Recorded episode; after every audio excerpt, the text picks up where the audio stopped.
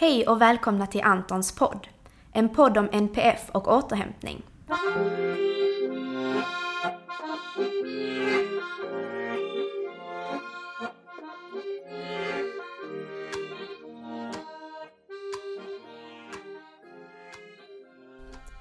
Jag heter Marie och kommer att i dessa poddavsnitt utforska olika aspekter av hur det är att leva med eller tillsammans med någon med NPF, neuropsykiatrisk funktionsnedsättning. Jag heter Josef. För tio år sedan så jobbade jag som pedagog på en särskola och fick en ny elev som hette Anton. Han lärde mig om autism och han lärde mig minst lika mycket om behovet av återhämtning. Jag lärde också känna Antons mamma, Lotta. Att leva med Anton är både fantastiskt och underbart. Men det är också utmanande. För Anton har svår autism och det påverkar hela familjen. Vi är ofta helt slutkörda och har ett stort behov av återhämtning. För att skapa möjligheten att få anpassad återhämtning skapade Lotta, Josef och Antons läkare Helena föreningen Antons hus. Denna podden handlar inte om Anton, men Anton har vi alla gemensamt. Podden är för er alla som också har en Anton.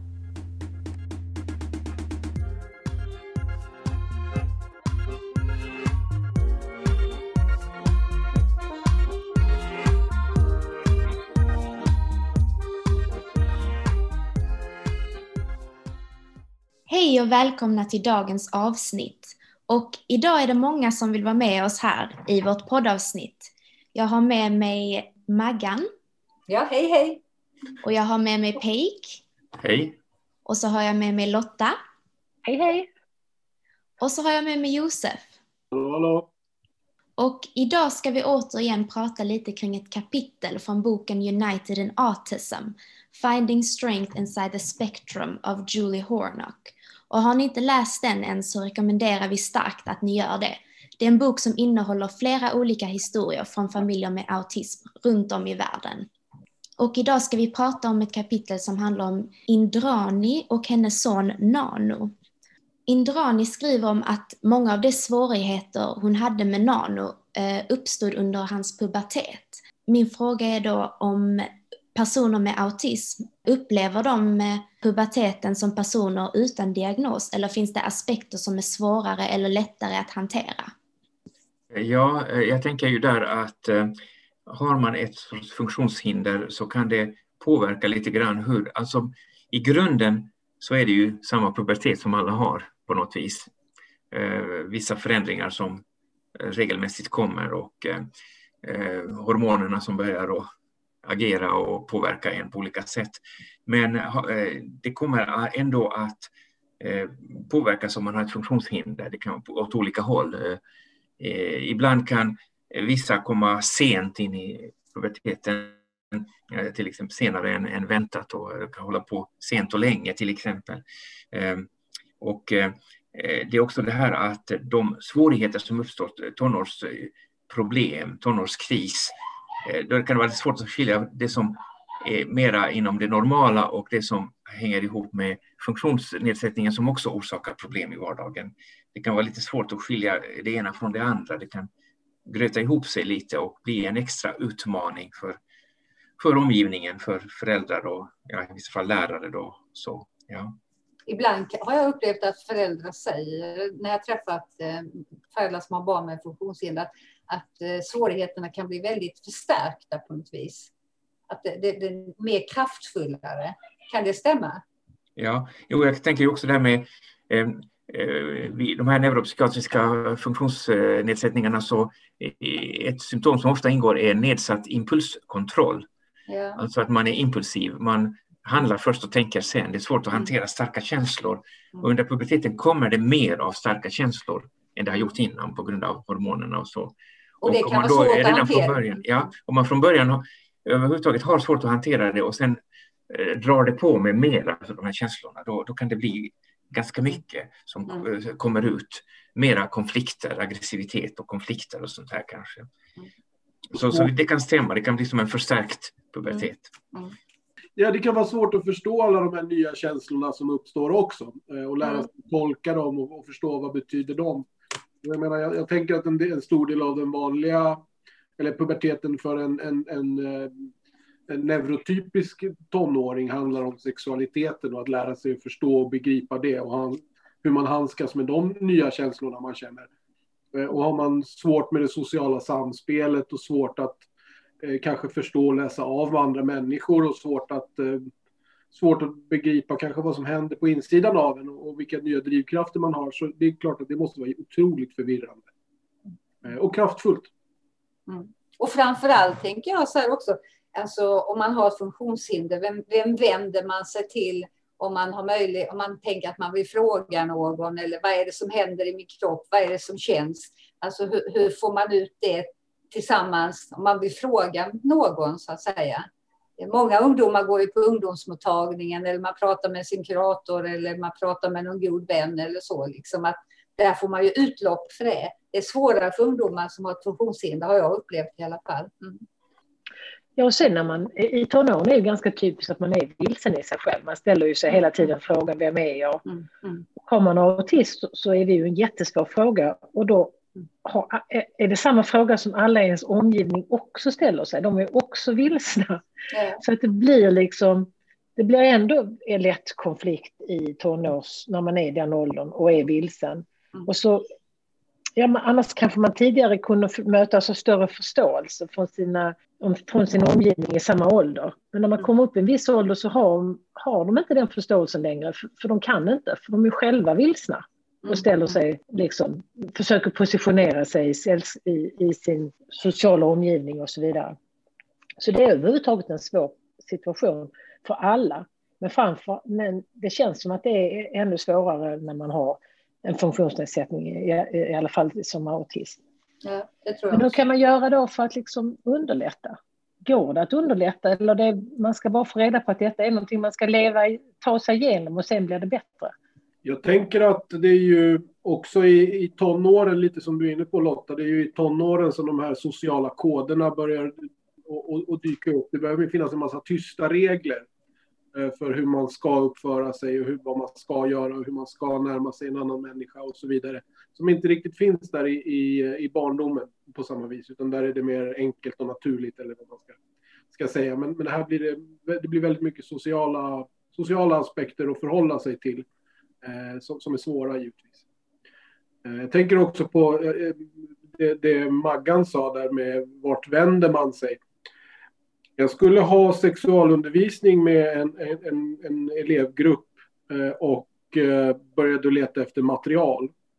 Det finns otroligt lite mm. bra material för sexualundervisning för personer med neuropsykiatriska funktionsnedsättningar. Det bästa materialet jag hittade det var en eh, sexualundervisning på lättare svenska tror jag att den heter. Eller någonting i den det var, det var ett bildmaterial som gick att använda och, och olika ämnesområden inom sexualundervisningen som gick att faktiskt lyfta och, och försöka prata om så att säga. Sen är det såklart så att eh, det, det, det är jättesvårt för har, har, man inte har man inte en sexualitet i den, den formen som, som man är van vid så är det svårt att, att prata om det. Mm. Eh, så är det givetvis. Det, det, jag, jag tror, och här kanske Peik har, har bättre koll på läget, men jag tror att, att sexualiteten hos personer med autism oftare har en, en annan inriktning kanske än vad den har hos eh, normal, eh, eller resten av populationen. Eh, jag, jag, tror till exempel att objektumsexualitet är, är vanligare. Det är i alla fall min, min erfarenhet. Ja, ja det, det, man har ju noterat lite mer avvikelse från den vanliga normen eh, hos de som har autismspektrumstörningar. Det senaste som har kommit är de här rapporterna om en ökad förekomst av, eh, eh av eh, könsdysfori, alltså att inte vara nöjd med sitt eget biologiska kön. Att det skulle då vara faktiskt vanligare hos de som har en autismspektrumdiagnos. Så, så att, och så där med identitetsosäkerhet, och är man allmänt osäker på vem man är så kan man också därigenom blir ganska osäker på vilket kön man kanske tillhör och så vidare.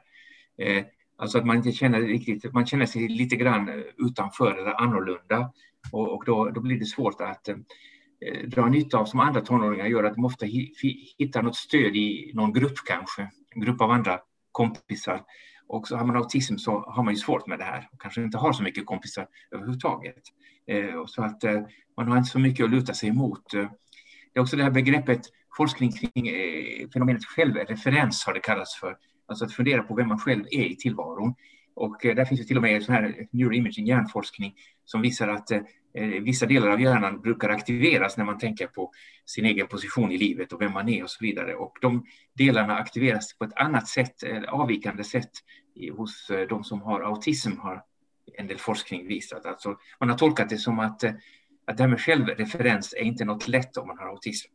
Alltså liksom komma fram till vem är man egentligen i förhållande till andra människor och det förflutna och framtiden och allt det här. Och det sätts ju ofta på sitt spel just i tonåren när man känner att man håller på att sluta upp och vara barn och ska börja bli vuxen och ska börja bli mer självständig. Och då är det svårt att ha funktions, eh, en funktionsnedsättning som gör att man inte kan bli lika självständig som de andra.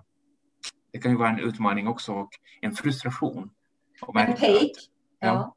Men då gäller, då gäller det att omgivningen, om man tänker skolan, att personal som jobbar i skolan har den kunskapen och mm. kan plocka upp ungdomarna i, i ja. de här situationerna. Det är inte helt ja. enkelt det heller. Nej, det är inte så enkelt och det, och det är individualiserade som vi ofta pratar om, har pratat om tidigare också i samband med autism, att eh, olika personer med autism är så olika varandra dessutom. Ja. Att, eh, vad som passar just den här speciella personen med autism. Eh, Medan de mera neurotypical, de neurotypiska, mm. de vanliga, de är mm. lite mer lika varandra egentligen. Ja, ja. Än vad de som det, har autism är. Men då blir det ju väldigt individuellt liksom. Ja, och att ja. motparten måste kunna plocka upp det här. Alltså synliggöra detta på något vis. Ja, det, det, det, är svårt. Det är svårt. Jag, jag tänker att det är, när jag var i tonåren, då fanns ju, jag är ju 50 plus Liksom. Och då fanns ju inte Instagram eller att man, man kunde gå ut på nätet och leta själv och så. frågan är om man går ut och letar efter information om sexualitet på nätet. Så det, det, finns ju mycket som är normalt där men det finns också en hel del som kanske inte är det. Så det kan ju vara svårt att veta när man är sökande. Därför har ju skolan en stor roll att lära ut eh, sexu sex, sexualundervisning och det gör man väl sannolikt fortfarande. Jag kommer bara ihåg att det var ju ganska pinsamt alltihopa när läraren stod där och skulle prata om det. Han, vi hade en manlig lärare i biologi som tog detta han tyckte det var pinsamt och vi var fnittriga och tyckte det var jättepinsamt. Utan det man lärde sig och eller fick uppslag, om man ska uttrycka sig, det var ju av kompisar eller kompisars äldre syskon om man inte hade ett äldre syskon själv. Men som vi varit inne på tidigare, om man då har en funktionsnedsättning eller som har autism och inte har så många kompisar, då är det ju ännu viktigare att man får rätt sexualundervisning och framförallt i särskolan. Och där kan jag tänka att man kanske får ännu mindre än i en vanlig skola. Och det, där är det ju väldigt synd att det inte finns bättre material eller är svårt att hitta det materialet som finns, som du beskrev Josef. För det är ju ännu viktigare. Det blir ju jättekonstigt att som förälder försöka, eh, liksom, känna att man ska undervisa och berätta och informera i det ämnet också. För, för det är ju, det tänker man ju inte så att föräldrar håller på med sånt eller vet vad det är. Så att det, det, det, är väldigt svårt och jag, jag har för mig att jag har hört att FUB ska ha en del material också. Man kan ju absolut kolla runt och, och se och är det någon som lyssnar på detta och vet bra material så, så skriv gärna en kommentar så att vi eh, kan lära oss och sprida det till andra som lyssnar. Men det, känns det är ju väldigt viktigt. Det känns ju ändå lite sorgligt när Josef säger att man fick leta runt, runt, runt. Det, det, det känns ju lite märkligt idag, i dagens läge tycker jag. Mm. Ja, det, det, håller jag med om. Det var ju ett, ett, antal år sedan givetvis och det är möjligt att det har kommit fantastiskt mycket bra material nu. Men ja. På den tiden tyckte jag att det var svårt. Det fanns riktat mot eh, särskolan. Ja. Jag hade ju en träningsskolegrupp så att man fick ju verkligen anpassa undervisningen både till, till eh, varje enskild individ givetvis men också eh, i nivå så, så, så, tror jag att man kanske kan göra göra den här liknelsen att det, det, det var som att undervisa i sexualundervisning eller sexualkunskap för, för ett antal personer som på många sätt hade en förståelse som ett, som ett lite mindre barn. Mm. Eh, och det är klart att det hade ju sina utmaningar i sig själv, så att säga. Eh, men det ställer också krav på, ja, både på mig och på, på mina assistenter, men också såklart på eh, materialet större utmaningarna som jag upplevde i det praktiska, det, det var faktiskt egentligen inte sexualitetens eh, form, utan kanske mer sexualitetens plats. Alltså, det, alltså, alla onanerar, men vart? Mm. Det, var, det var snarare det vi behövde prata om kanske ganska många gånger och ganska tydligt. Att vissa ställen där, där kan man inte onanera. Det, det har sin plats. Nej, och att man får lära sig att det är inte okej okay att människor tar på en på vissa ställen om man inte själv vill. Precis. Och det är inte okej okay för mig själv att ta på andra människor på vissa ställen om inte den personen vill det. Och hur vet man att man vill eller inte vill? Mm. Att man går liksom in på sådana saker och eh, pratar och diskuterar. Så att man, alltså att man kan hjälpa till att, att, att man kan lyckas. Så att man inte... Ja, så att det inte blir fel. Helt rätt. Men det, det, det är ju väldigt viktigt att man, inte, att man också lär sig att man har rätt att sätta gränser. Det tror jag att man, man ägnar ganska stor del åt sexualundervisningen i den vanliga skolan också nu för tiden. Samtycke och, och, ja. och, och den, den, typen av bitar. Men det är klart att det tar sig kanske en annan form i, i, i särskolan och, och i träningsskolan. Ja, och det, det, det, är ju lite allvarligt det här att man har faktiskt sett en ökad förekomst av att de som har funktionsnedsättningar och även autism och låg begåvning oftare utsätts för övergrepp faktiskt. Det, det finns eh, statistik på detta. Alltså de behöver faktiskt skyddas också. Det är absolut både, både allvarligt och, och, och viktigt. Så det, ja, jag är glad att vi lyfter det. Ja, det är bra. Ja, det är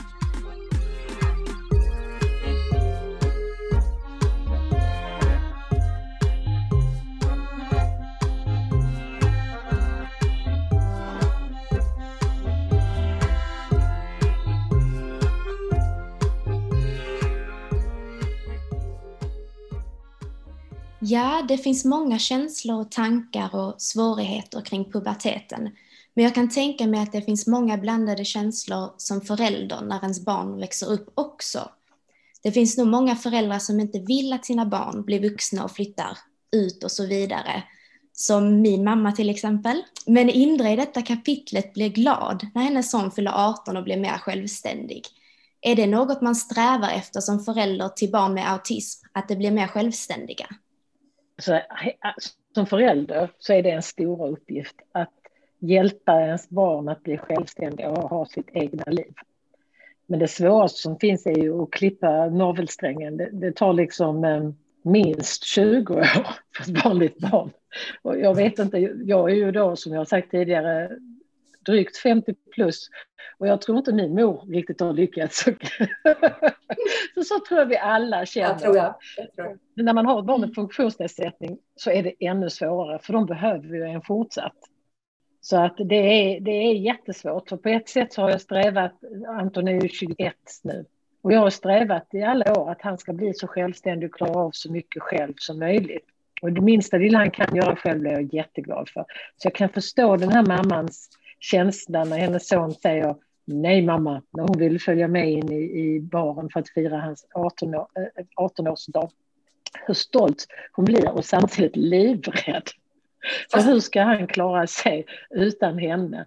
Och vad har man då för roll kvar? Alltså, det är en kluven känsla som man har till ett vilket barn som helst, men absolut till ett barn med funktionsnedsättning. Men hon var en klok mamma där, Lotta. Mycket. Ja, hon, hon valde att stanna utanför, även om det liksom var jobbigt. För hon var ju orolig hon också. Ja. Men hon, hon, respekterade honom, men hon stannade ju på en bänk utanför för att se så att han ja. inte skulle springa iväg och, komma till skada, vilket ja. behövdes kanske. Men hade det varit ett annat barn kanske man hade gått hem till sig själv eller gått till en kompis till en annan pub och tagit en egen öl eller ett glas vin. Ja, precis. Ja, precis. Men det gör man inte när man, i, i en, en sån situation när man, ens barn har en funktionsnedsättning.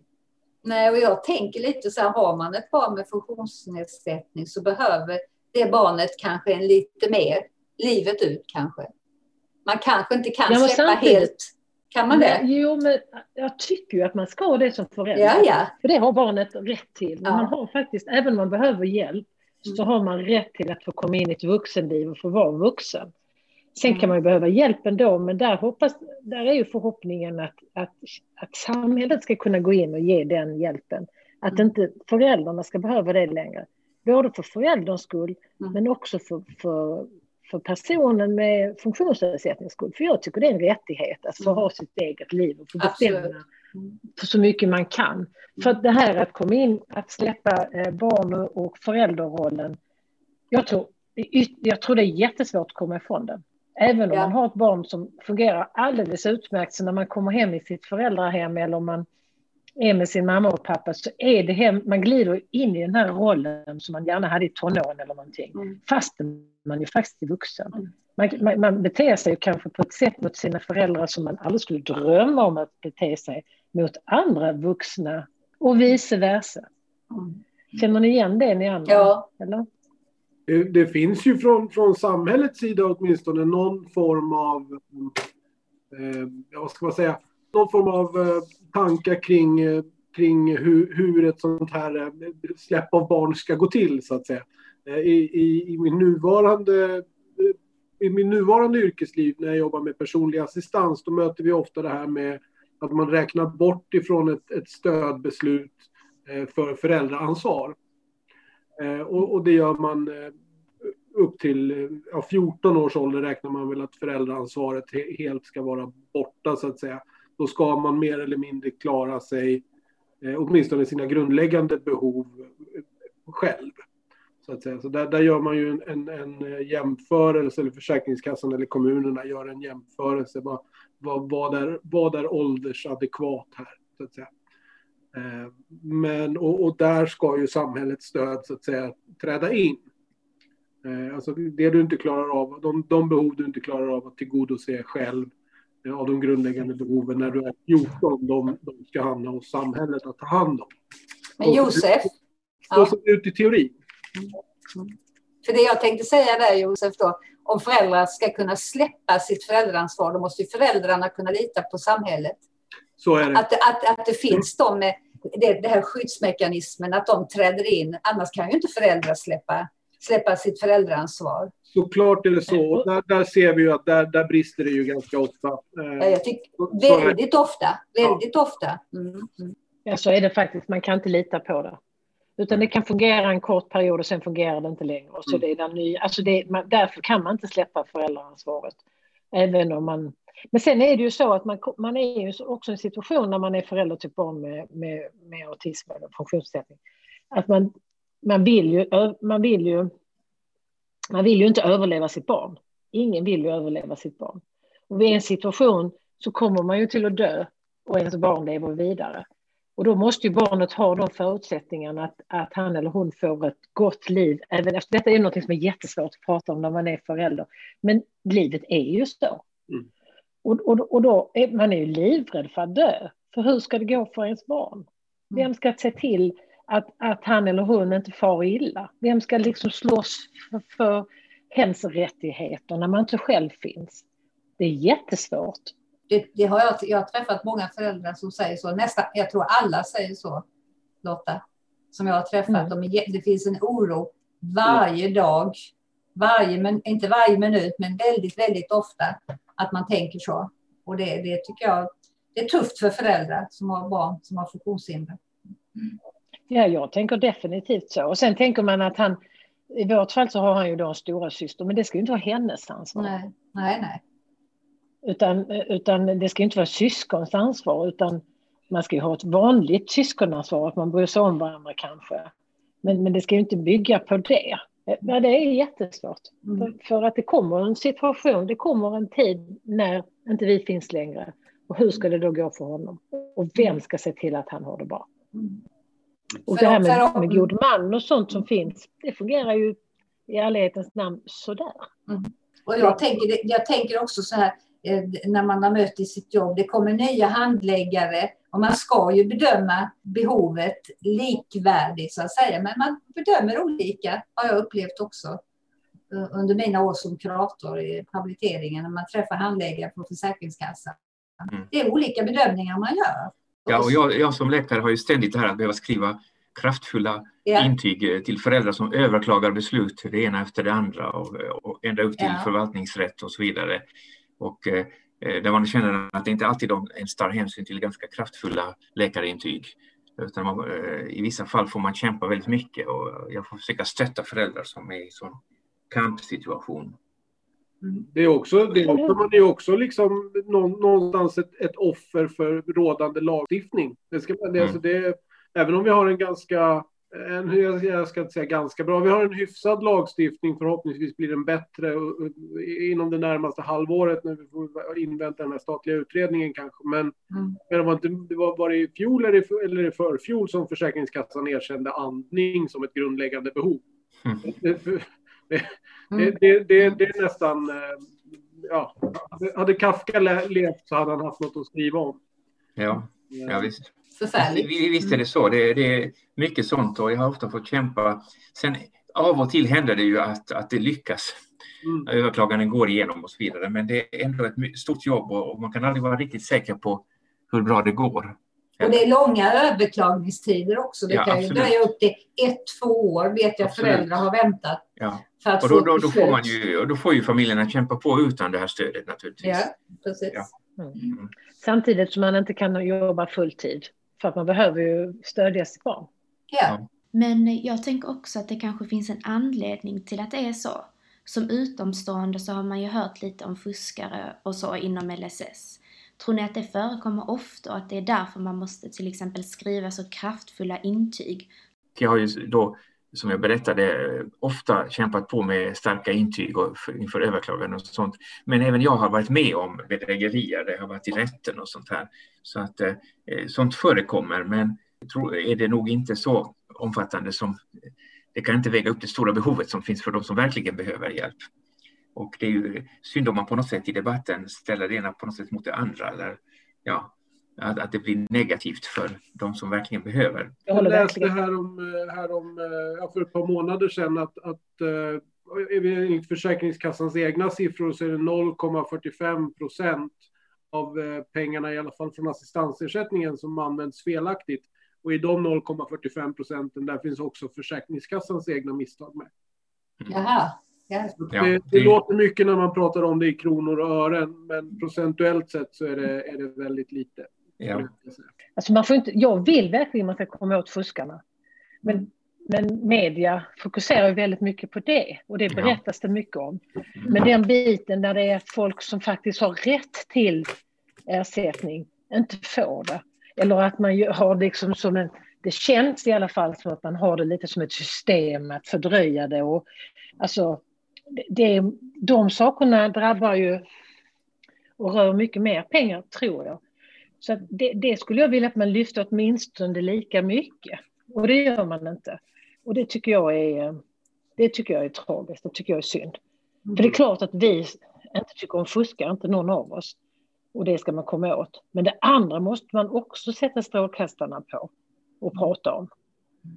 Så, och så vill jag, jag skulle också vilja säga en sak. Jag tänker det, för jag kommer i kontakt med LSS-lagen väldigt mycket, både under när jag jobbade, men även nu som god man. Och jag tänker bara så här, jag har en önskan om att, att man, det ska vara en likvärdighet oavsett om man bor i Malmö eller om man bor i Hässleholm eller om man bor i Stockholm eller var sjutton man bor. Att det ska finnas en, en likvärdig bedömning. Eh, för det är det inte idag. Så det, det, har, det har jag en önskan, att, man, man ska, att vi ska jobba på. Alla som jobbar kring barn och ungdomar som har funktionshinder, att det ska vara likvärdiga bedömningar. Vad tänker ni det krävs för att en person med autism ska kunna bli vuxen och få leva ett självständigt liv med en bra livskvalitet? Och vem ligger ansvaret på? Det var eh, ingen liten fråga, Marie. Jag tror att eh, det är ett helt, eh, ett helt avsnitt till, minst. Det gör vi. Vi kör mm. på ett, ett, ett, och vi svarar på den frågan i ett annat avsnitt. Den är okay, mycket intressant bra. och bra fråga. Mm, verkligen. Mm. Och med det så tackar vi för oss och tack för att ni har lyssnat. Glöm inte att följa oss på sociala medier för att lära dig mer om autism och om vårt projekt Antons hus. Gå in på vår hemsida www.antonshus.se för där hittar ni all information om Antons hus och var ni kan följa oss. Där uppdaterar vi även när nästa avsnitt av Antons podd släpps. Tror du på idén om Antons hus som vi gör? Då kan du hjälpa till genom att sprida information om Antons hus till din familj och dina vänner. Det viktigaste är att vi når ut till så många som möjligt. Eller så kan du swisha en slant till 1234 72 71 03. Vi tar emot bidrag både stora som små. Vi ses i vårt nästa avsnitt. Hejdå!